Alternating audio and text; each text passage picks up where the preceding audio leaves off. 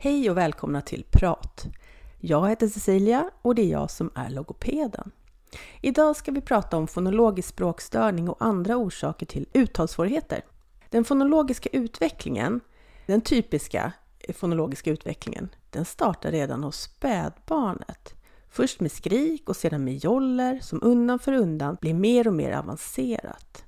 Jollerutvecklingen den innebär ju att barnet övar Eh, både ljuden men också kontrollen över artikulationen. Från början så har ju den varit väldigt outvecklad. Så när de första orden kommer så är det fortfarande lite svajigt och orden är ofta förenklade. Ljud trillar bort eller byts ut till enklare ljud som att stol blir tol och potatis blir tatis. Allt detta är alltså helt normalt och tillhör utvecklingen. Så när blir då de här uttalssvårigheterna en språkstörning? Det som skiljer det är förmågan att uppfatta ljuden. Att ljud låter olika, var någonstans i ordet som ljuden finns. Och att kunna höra den här skillnaden och att göra den här skillnaden, det är viktigt. För det är grunden för att sedan kunna lära sig läsa och skriva. Därför är det också viktigt att eh, vi vet att språkstörning kan ändra form.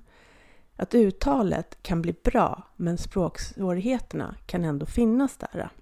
Men de allra flesta barn som har svårt med sitt uttal, de kommer inte ha svårt med uttalet när de blivit lite äldre. Men sen finns det ju vissa ljud som är knepigare än andra. R till exempel. Det är jättesvårt för jättemånga barn. 20 procent av alla femåringar har svårt att uttala R. Eh, jag tycker själv att det har varit svårt att hitta roligt och fungerande material för att träna R. Eh, men i Facebookgruppen och på Instagramkontot Prat med logopeden så lägger jag ut länkar till sånt som jag har gillat. Vi kommer att ta upp fonologi ehm, i senare program eftersom det finns så himla mycket att säga. Och det finns så många duktiga logopeder som jobbar med det här och så många frågor från föräldrar. Har du en fråga eller vill du att vi ska ta upp något särskilt ämne i podden eh, så går det jättebra att mejla till mig på kalliope.logopedi.gmail.com Jag lägger ut även mejladressen eh, i gruppen eh, så hittar du det där. Men jag tänkte prata om lite andra orsaker till varför uttalssvårigheter kan finnas hos barn. För allting är inte en fonologisk språkstörning. Det finns andra orsaker. En orsak är dyspraxi, men dyspraxi det är ju mitt allra mesta favoritämne. Så det kommer i ett eget avsnitt. Eh, om två veckor är det tänkt att det avsnittet ska sändas. Eh, mer? Jo, viktigt är ju att hörseln är kollad.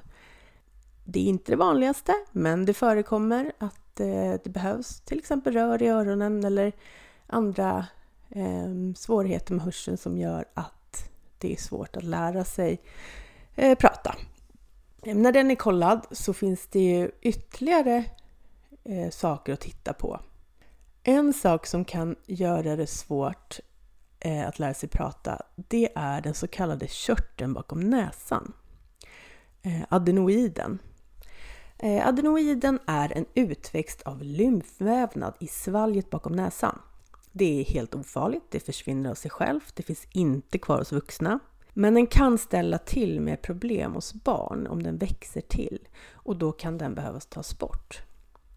Eh, det man gör är att man, eh, det är en operation då man skrapar bort den här vävnaden och eh, operationen görs under narkos och är ett, ja, det är ett dagkirurgiskt ingrepp. Så inget, inget stort ingrepp. Eh, symptomen av den här av adenoiden, förutom svårigheter med uttalet, det kan ju vara nästäppa och eh, svårt med andningen, man snarkar, barnet snarkar, låter nasalt, ehm, mycket hosta och, och till och med andningsstopp, eh, alltså sömnapné kan den göra. Eh, och har barnen så uttalade och, stora besvär, då, då brukar eh, operation övervägas. Det här är ju en bedömning som görs av läkare och inte av logopeder. Och för er nu som kommer att googla på eh, operation av adenoiden eller skrapning av adenoiden skulle jag bara vilja varna att det, det ser lite läskigt ut. Men det är alltså inte en stor eh, och farligt ingrepp alls utan det går snabbt och enkelt och vanligt att ta bort. Sen har vi det här med korta tungband. Tungbandet fäster på tungans undersida ner mot munbotten. Ibland är tungbandet så eh, stramt eller kort eh, att det faktiskt påverkar barnet. Eh, hos bebisar kan det påverka sugförmågan och hos äldre barn kan det påverka eh, uttalet. Har man ett kort och stramt tungband Kort stramt tungband är medfött och observeras i olika studier hos 4-11% av nyfödda. Så många kommer redan ha klippt sitt tungband som, eh, ja, men som nyfödda eh, för att hjälpa sugförmågan.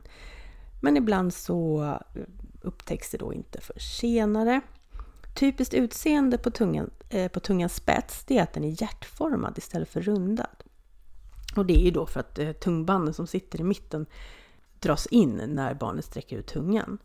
Ibland kan tungbandet se så tjockt ut att barnet kan ha svårt att sträcka ut tungan långt. Och är det då så att barnet har stora problem med det här så kan man välja att klippa tungbandet.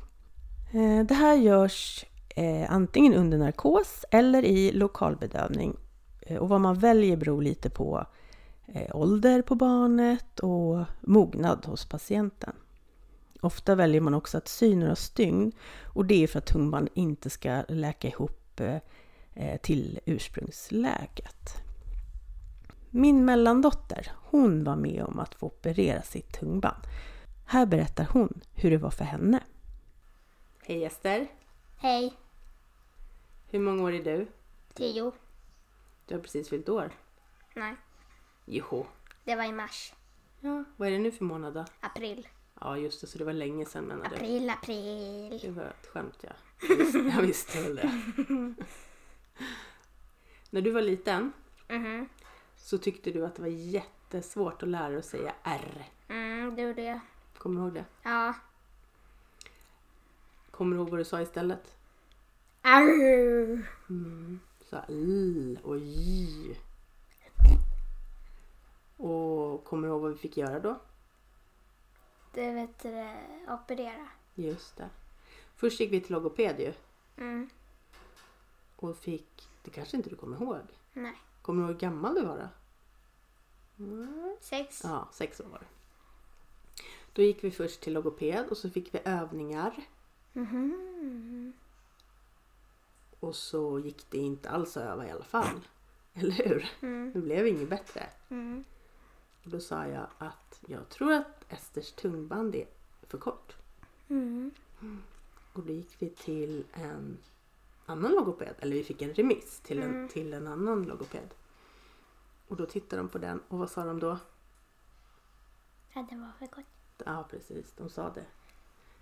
Den är jättestram, tungbandet. Mm. Den måste opereras. Eller klippas. Jag kan nudda, i tung- jag kan nudda näsan med tungan nu. Precis, nu kan du nudda, nudda tungan med nä- Nej, näsan. näsan med tungan. Mm. Mm. Kommer du ihåg någonting om operationen?